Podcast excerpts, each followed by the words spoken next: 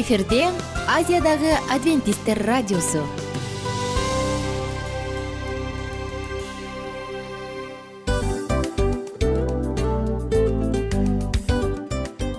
Достор салют. Баардык сүйүктүү угармандарыбызга салам айтабыз. Кутман күнүңүздөр менен. Ден соолук өмүрдүн булагы демекчи саламат саамы программасында баарыңыздарды көргөнүбүзгө абдан кубанычтабыз. Анда алгач амандашып өтөлү арбаңыздар деп. Ден соолугуңуздар кандай элибизде көбүнчө ден соолук кандай дегенде эле жакшы деп жооп беребиз э? ооруп турсак дагы жакшы дейбиз. Анан мен муну айтып ойлойт элем бул абдан сонун сөз депчи анткени бул жакшы деген үмүт да э баары жакшы болот баары сонун. Деп үмүттөнүп атып эле өзүбүздү өзүбүз дарылап коебуз. Анысы кандай сиздин дагы ден соолугуңуз жакшы беш деген үмүттөбүз чындыгында ден соолук бул өмүрдүн булагы деп бекеринен айтылган эмес деп ойлойм. Кыргыз элинде анткени эгерде ден соолук жок болсо анда адамдын жашоосунда калган баардык керектүү маңыздуу нерселер өзүнүн баалуулугун жоготуп коет. Ошондуктан ден соолук бул эң керектүү нерсе. Ооба туура айтасың кесиптешим. Чынында ден соолугуң жок бир эки үч күн ооруп калсаң эле э кандай болуп калат? Жашоодо көз каранды болуп каласың көп нерсеге жетишпей каласың көп нерсени кыла албай каласың жада калса эшикке дүкөнгө да чыга албай каласың. Туптуура анан ден соолук болсо демек биз биздин бактыбыз тоодой деп койсок болот. Анда достор саламат саамы рубрикабызды баштайлы. Алдыда өзүңүзгө керектүү болгон сонун кеңештерди уга аласыздар. Мына ошондуктан биз менен бирге болуңуздар. Ал эми биз болсо милан жана айнура. Кеттик алга. Алга саламат саама ден соолуктун жарчысы. Саламат саама ден соолуктун ачкычы. Күн сайын сиз үчүн мыкты кеңештер сонун жаңылыктар кызыктуу фактылар биздин рубрикада.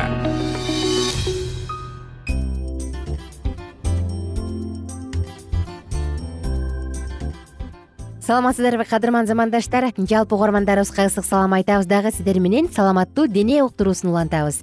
Бүгүн мурунку уктуруубузду улантабыз. Анткени мурунку уктурууда эсиңизде болгондой маалыматтардын баардыгын айтып жетишпей калганбыз. Мына ошондуктан бүгүнкү темабыз дагы үзгүлтүксүз жаңылануу же болбосо туруктуу жаңылануу эсиңизде барбы угарман? Мурунку уктурууда биздин боорубуз жүз жыйырма күндөн жүз элүү күндүн ичинде толугу менен калыбына келет деп айтканбыз. Эгерде операция жолу менен жетимиш беш пайызын кесип салса дагы эки төрт айдын ичинде ал толугу менен өзүнүн кайра калыбына келет дегенбиз ал эми улгайып калган адамдарда токсон токсон беш пайызга чейин активдүү болот деп жүз элүү күндөн жүз сексен күндүн ичинде ал толугу менен кайра калыбына келет дегенбиз. Ошентсе дагы боор эң эле чыдамкай эң эле күчтүү орган болгонуна карабастан ага сахар кумшекер алкоголдук ичимдиктерди берүүнүн кереги жок. Анткени бул цирроз же болбосо боордун катып кетүүсүнө алып келет деп айтып өткөнбүз андан ары уланталы достор мурунку уктуруулардан бери өзүңүздүн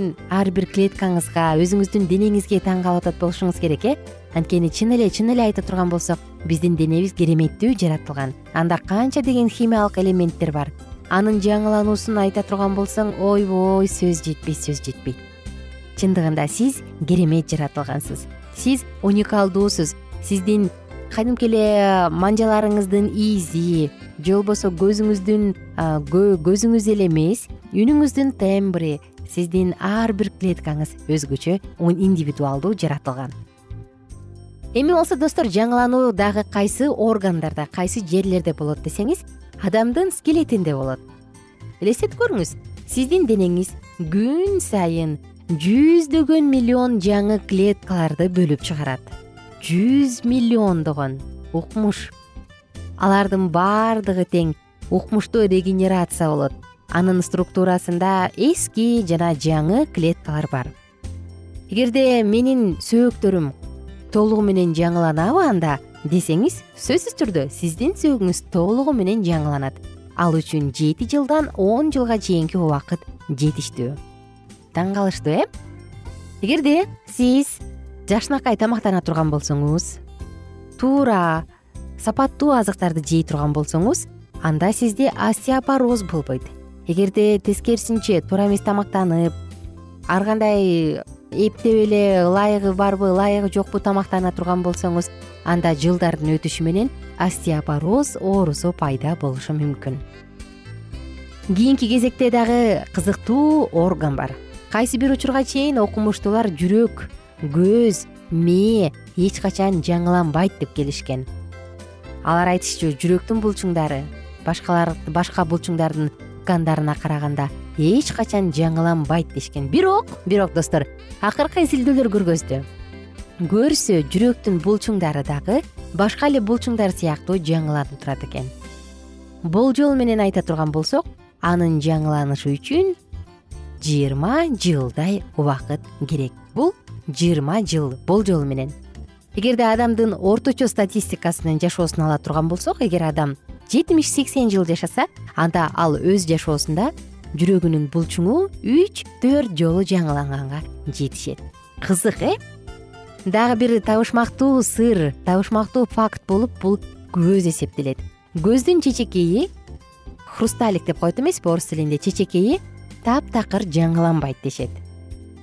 Бирок көздүн тунук черинин клеткалары жаңыланат жана калыбына келип турат. Анын толук жаңылашы үчүн жаңыланышы үчүн жети күндөн он күнгө чейинки убакыт жетиштүү. Бирок достор көздүн тунук чели жабыркай турган болсо ал бир күндүн ичинде кайрадан калыбына келе алат. Кызык таң калыштуу укмуш эле укмуш. Ал эми жогоруда жаңыланбайт деген көздүн чечекейи качан пайда боло баштайт десеңиз ал баягы бала түйүлдүк энесинин ичинде пайда боло баштаганда алтынчы жумасында эле дал ушул көздүн чечекейи пайда боло баштайт экен. Кызыктын баары ушунда. Эми болсо мээ жөнүндө айталы мээ дагы табышмактын табышмагы. Ушул учурга чейин мээ эч качан жаңыланбайт деп келишкен. Бирок көрсө мээде дагы эс тутум ой жүгүртүү тил көңүл буруу жана акыл эс сыяктуу көптөгөн нерселер бар эмеспи. Мунун баардыгында тең кайсы бир жерлеринде кайсы бир учурунда жаңылануу болуп турат экен. Бир уктурубузда айтып өткөнбүз. Эсиңизде барбы гиппокамп деп жөнүндө мына ушул сыяктуу жерлерде жаңылануу болуп турат.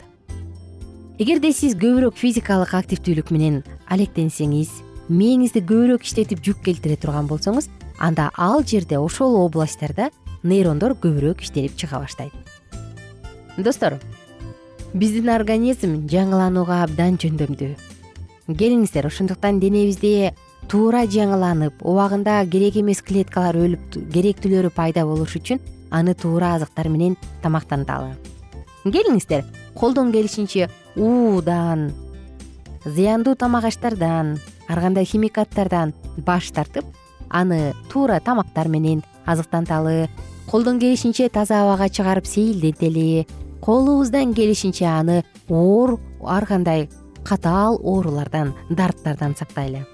Ооба окумуштуулар айтышы мүмкүн э? Эгерде сиз туура эмес тамактансаңыз деле кайсы бир убакыт өткөндөн кийин туура тамактанууга өтүп ар кандай оорудан айыгасыз деп. Мунун мүмкүнчүлүгү балким жетимиш пайыздыр. Бирок кандай болсо дагы эгер сиз башынан колуңуздан келишинче туура тамактанып туура жашоо образы менен жашай турган болсоңуз анда денеңиздин клеткаларынын жаңылануусу дагы укмук болот. Сиздин картаюу процессиңиз дагы кечеңдейт жаш бойдон көрүнүп сулуу бойдон жүрөсүз. Эмне демекчибиз достор? Ошондуктан келиңиздер. Колдон келишинче туура саламаттуу жашаш үчүн ар бир органыбыз өзүнүн функциясын так жана даана аткара алыш үчүн ага жардам берели. Баарыңыздарга кааларыбыз ден соолук жана ден соолук ден соолукту акчага сатып ала албайсың бирок акчаны таба аласың деп коет эмеспизби? Анысы кандай? Жумушуңуз канчалык оор болбосун. Канчалык катаал жерде иштебеңиз. Бирок сиздин ар бир учуруңуз ар бир жашооңуз ар бир күнүңүз саламаттыгыңызды бекемдей ала тургандай болсун. Кызматта мен айнура болдум. Кийинки уктуруудан кайрадан амандашканча күнүңүздөр көңүлдүү улансын сак саламатта туруңуздар саламат саама ден соолуктун жарчысы. Саламат саама ден соолуктун ачкычы. Күн сайын сиз үчүн мыкты кеңештер сонун жаңылыктар кызыктуу фактылар биздин рубрикада. Салют замандаштар баарыңыздарга ысык салам. Дил маек программабызга кош келиңиздер. Дил маек рубрикасы дегенде эле бул эмне болгон дил маек ким менен маектешебиз деп сурайт болуш керек угармандарыбыз бул рубриканы кыскача тааныштыра кете турган болсок ар тарап кесип ээлеринен болгон сонун интервью кеңештер бар. Ооба. Жылдыздар менен болгон маек бар. Аталарыбыздын агаларыбыздын чоң аталарыбыздан сонун кеңештер бар. Ошондой эле эже сиңдилердин кеңештери бар. Айтор баардык кызыктардын баары алдыда. Негизи эле адам баласы бир кимдир бирөөнө ишенип сырын ачкысы келет эмеспи э мындай баарлашууга жакын келебиз го? Албетте негизи бир жерге отуруп алып кенен шашпай баягы жүрөктөн жүрөккө ачып сырларыбызды ар кандай көйгөйлөрүбүз менен бөлүшүп баягы чын жүрөктөн маек курганды кимибиз сүйбөйбүз э? Ооба десең ал нерсеге суусап да келебиз да. Ооба кээ бирде адамга чындыгында баягы э, ысык маек баягы жылуу маек жетишпейт да. Ошондуктан биз ушул рубриканы ойлоп тапканыбызда эң биринчи эле достор сиздер менен чын жүрөктөн бир маңыздуу темаларды козгоп кеткени э, кааладык. Ошондуктан ушундай сонун бир рубриканы тартуулап жатабыз. Анын үстүнө радио дагы сонун дос да анткени э, мындай учурда досуңа айтсаң досуң досуна айтат досу досуна айтат да анан бүт өлкө билип калышы мүмкүн го. А радио болсо сени сатпаган сенин айыбыңды ачпаган сенин сырыңды эч кимге айтпаган сонун досуң ошондуктан биздин алдыдагы айта турган кеңештерибизди биздин досторубуздун кеңештерин угуп анан ал жака пикириңизди дагы калтырып кайрадан биз менен байланышсаңыздар болот. Деги эле жашооңузга эгерде кичине болсо дагы өзгөрүү алып моралдык жактан ыалык жактан сонун бир кеңештерди алсаңыз демек биз максатыбызга жеттик. Ооба. Чыңгыз атабыз улуу жазуучу э, чыңгыз айтматов айткандай адам болуу бул күнүмдүк процесс экен.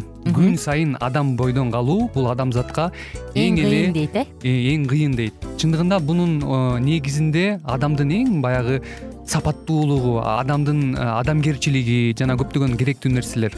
Мына ошол темалар дагы бизде ушул дил маекте биз аларды да козгойбуз. Ден соолук жөнүндө да сүйлөшөбүз. Сөзсүз түрдө анан милан мырза негизи айтып коюшат го. Биз көбүнчө эмнени ойлонсок ошол нерсеге карата иш кылабыз го ооба. Анан анысы кандай балким бул радио баракчада кимдир бирөөнүн оюн текшергенге жардам берет кимдир бирөөнүн жүрөгүн текшергенге жардам берет балким кимдир бирөөгө жашоонун маңызын тапканга жардам берер айтор кызыктын баары алдыда бул жөн гана кыскача жарнама анда угармандарыбыздын баардыгын кийинки рубрикабызга чакырабыз. Ал эми кызматта маңдайымда отурган кесиптешим милан жана мен айнура. Анда эмесе биз даярдаган терең терең ойлор менен таанышууга кеттик. Алыс алыс баралык.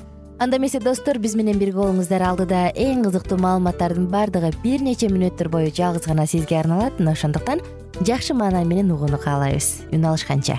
Жөнөдүк. Ар түрдүү ардактуу кесип ээлеринен алтын сөздөр жүрөк ачышкан сыр чачышкан сонун маек дил маек рубрикасында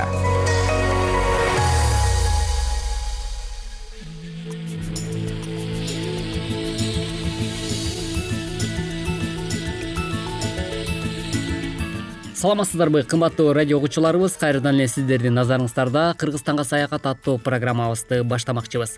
Бүгүнкү программабыздын чыгарылышында биз кыргызстандын кереметтүү э, жери кайсыл дей турган болсоңуз албетте бул кыргызстанды тоосуз элестетүү мүмкүн эмес. Андыктан кыргыз жерегесинин ала тоолору башкача айтканда кыргызстаныбыздагы тоолор туурасында сөз кылмакчыбыз. Дал ушул тоолорго саякатка бирге барат экенбиз. Биздин толкундан алыстабай биз менен биргеликте болуңуздар кыргыз тоолору. Кыргызстан адыгене тоосу. Түркүстан кырка тоосунун түндүк тармагы. Лейлек жана каравшин сууларынын аралыгында кеңдик багытта отуз километрге созулуп жатат. Туурасы алты километр. Орточо бийиктиги үч миң эки жүздөн баштап үч миң беш жүз метрге жетет. Эң бийик жери үч миң тогуз жүз элүү эки метр. Жоону тайпак. Айрым жерлерин капталы тик кыска кокту колоттуу ортоңку карбондун кумдук алевролит акиташтуу конгломерат сланец тектеринен турат. Кургак талаа бир миң алты жүздан бир миң жети жүз метр бийиктикке чейин шалбалуу талаа жана арчалуу токой эки миң алты жүз эки миң жети жүз метрге чейин субальп жана альп шалбалуу талаа сейрек бетегелүү талаа ландшафттары мүнөздүү жайыт болуп саналат.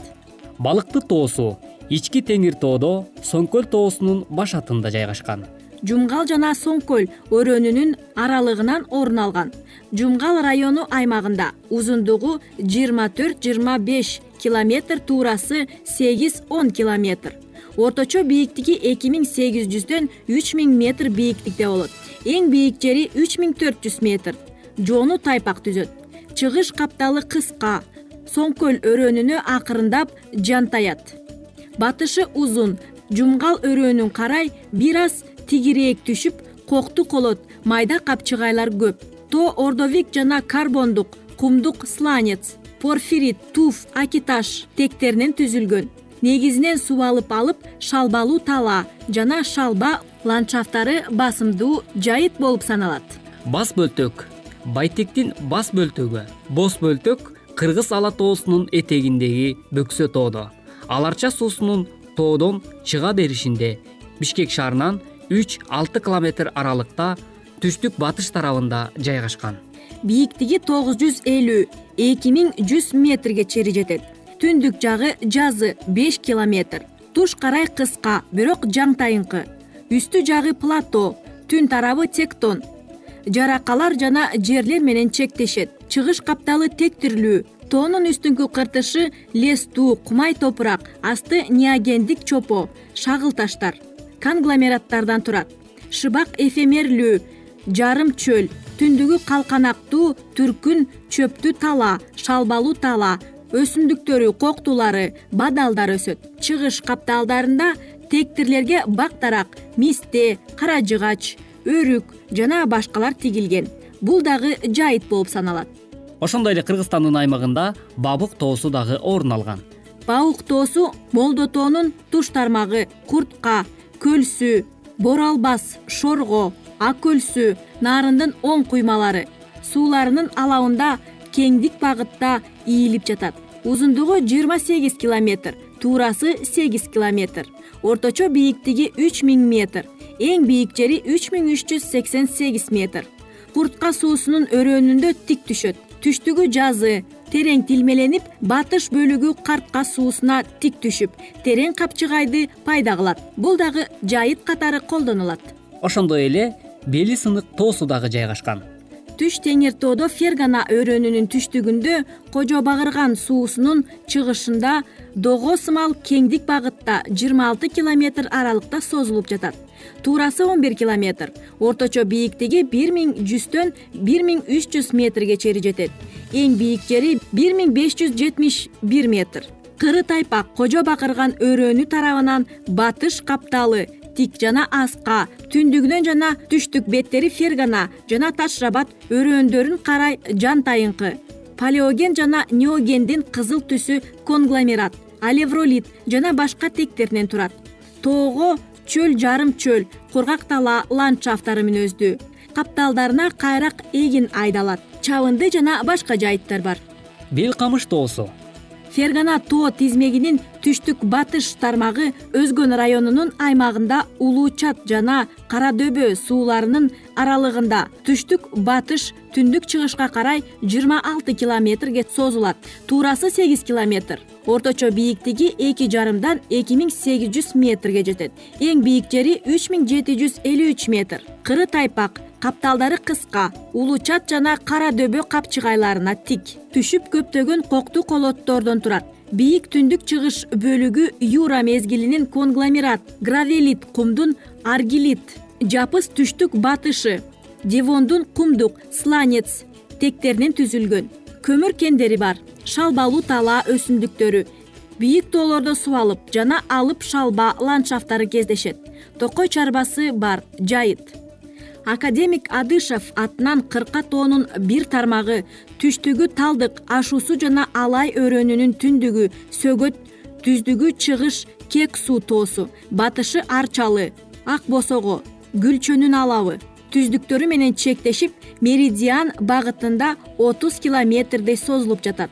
Орточо бийиктиги эки миң тогуз жүз метр эң бийик жери төрт миң эки жүз кырк үч метр.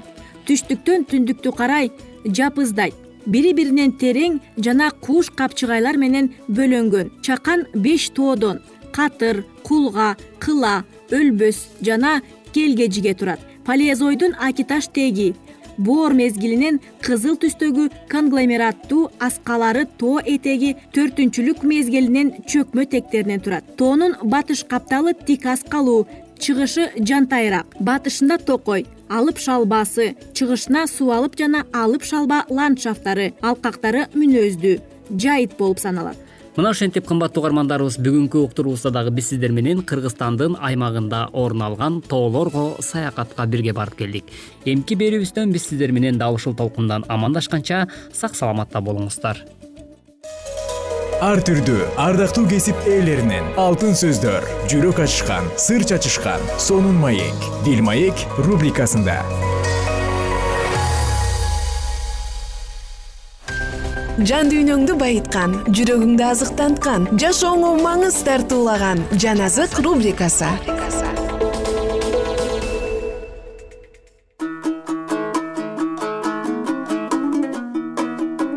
саламатсыздарбы жалпы угармандар сиздер менен бирге улуу күрөш китебин улантабыз жана баарыңыздарды уктуруубузга кош келиңиздер деп чакырабыз. Козунукуна окшогон мүйүз жана ажыдаардын үнүндөй болгон үн бул мамлекеттин жарыялаган негиздери менен жасаган аракеттердин эки башка болгондугун билдирет. Анын үнү анын мыйзам чыгаруучу жана сот органдарынын аракетин көргөзүп турган. Жана ушул аракеттер анын баштапкы негизинде коюлган эркиндиктин жана тынчтыктын көрсөтмөлөрүнө карама каршы келген. Пайгамбарлыкта айтылгандай ал ажыдаар сыяктуу сүйлөйт жана биринчи айбандын бийлиги менен аракеттенет деген сөздөр куугунтуктар жана эрксиздикти билдирген жана мамлекет илбир сыяктуу ажыдаар жана айбанга окшоп эркиндикти жоготкон. Ал эми эки мүйүзү бар айбан жердегилердин бардыгын жана аларда жашагандарды биринчи айбанга табынууга зордоду деген сөз анын папалык кыймыл менен биригип кеткендигин билдирет. Бул мамлекет өз тургундарына папанын жол жобо эрежелерин жана токтомдорун мажбурлап киргизе тургандыгы айтылган. Мындай аракеттер бул мамлекеттин эркиндик үчүн кабыл алынган жана бир маанилүү декларациясына жана көз карандыс конституциясына каршы турган. Америка мамлекетин курган адамдар жыйынды мамлекеттик бийликтен тышкары кылыш үчүн акылдуулук менен кам көрүшкөн жана бул аларды куугунтуктан көз карандуу болуудан сактаган. Конституциянын кароосу боюнча конгресс динге бир нерсени жүктөө жана анын эркин күбөлөндүрүүлөрүнө тыюу салуучу кандайдыр бир мыйзамдарды колдоно албайт. Жана америка кошмо штаттарында бир адамды кандайдыр бир мамлекеттик даражага дайындай турган болсо анын карманган динин териштирүү менен жүрбөшү керек. Кандайдыр бир динге адамдарды мамлекет тарабынан зордоо адам эркиндигин бузган өтө чоң ката болуп эсептелет.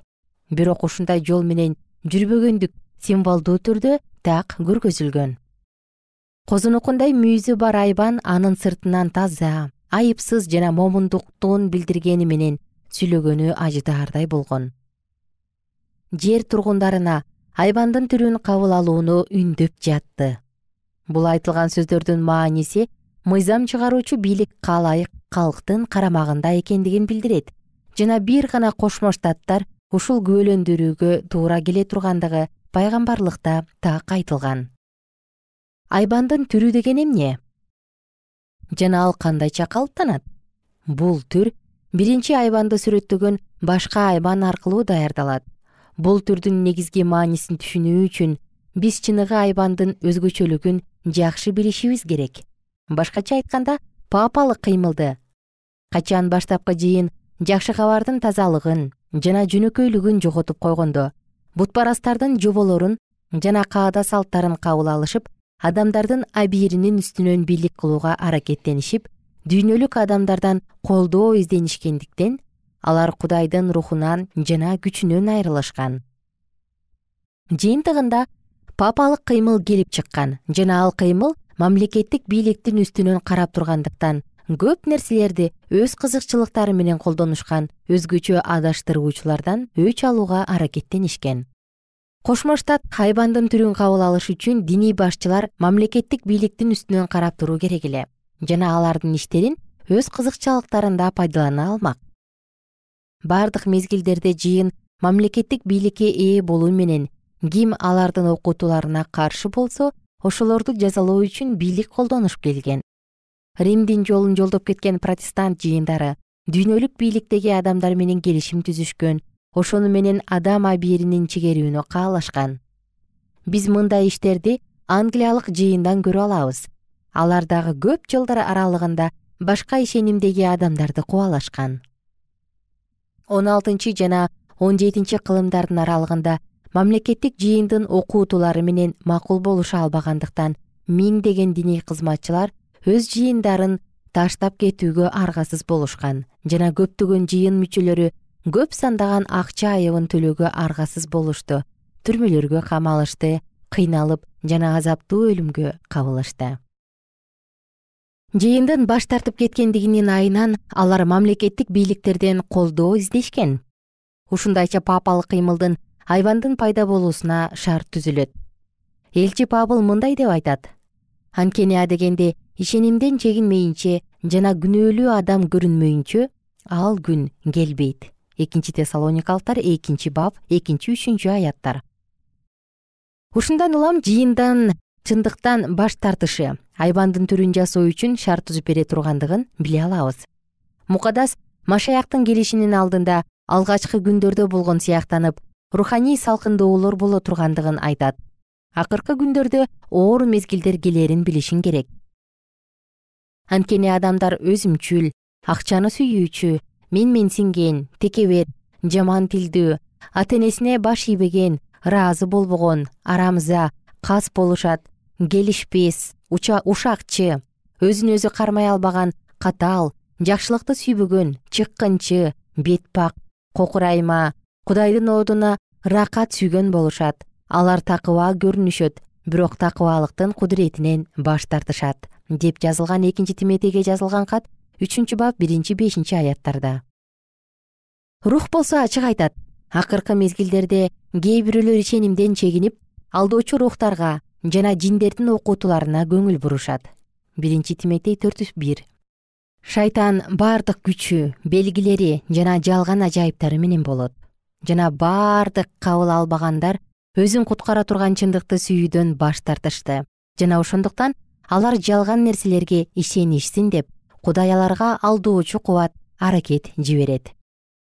Качан ушул сыяктуу адилетсиздиктер өкүм сүрүп калганда жыйынтыгы алгачкы кылымдагыдай болуп калат.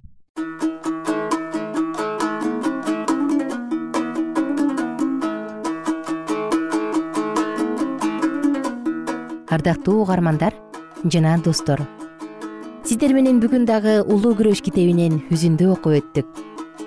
Жалпыңыздарга кааларыбыз жараткандын алдында жүрөгүңүз дайым таза болсун жараткан сизди дайым адил деп көрсүн анткени адил адам өлбөйт. Баардыгыңыздар менен кайрадан амандашканча күнүңүздөр көңүлдүү улансын. Бар болуңуздар баталуу болуңуздар бай болуңуздар. Кийинки уктуруудан кайрадан угушканча.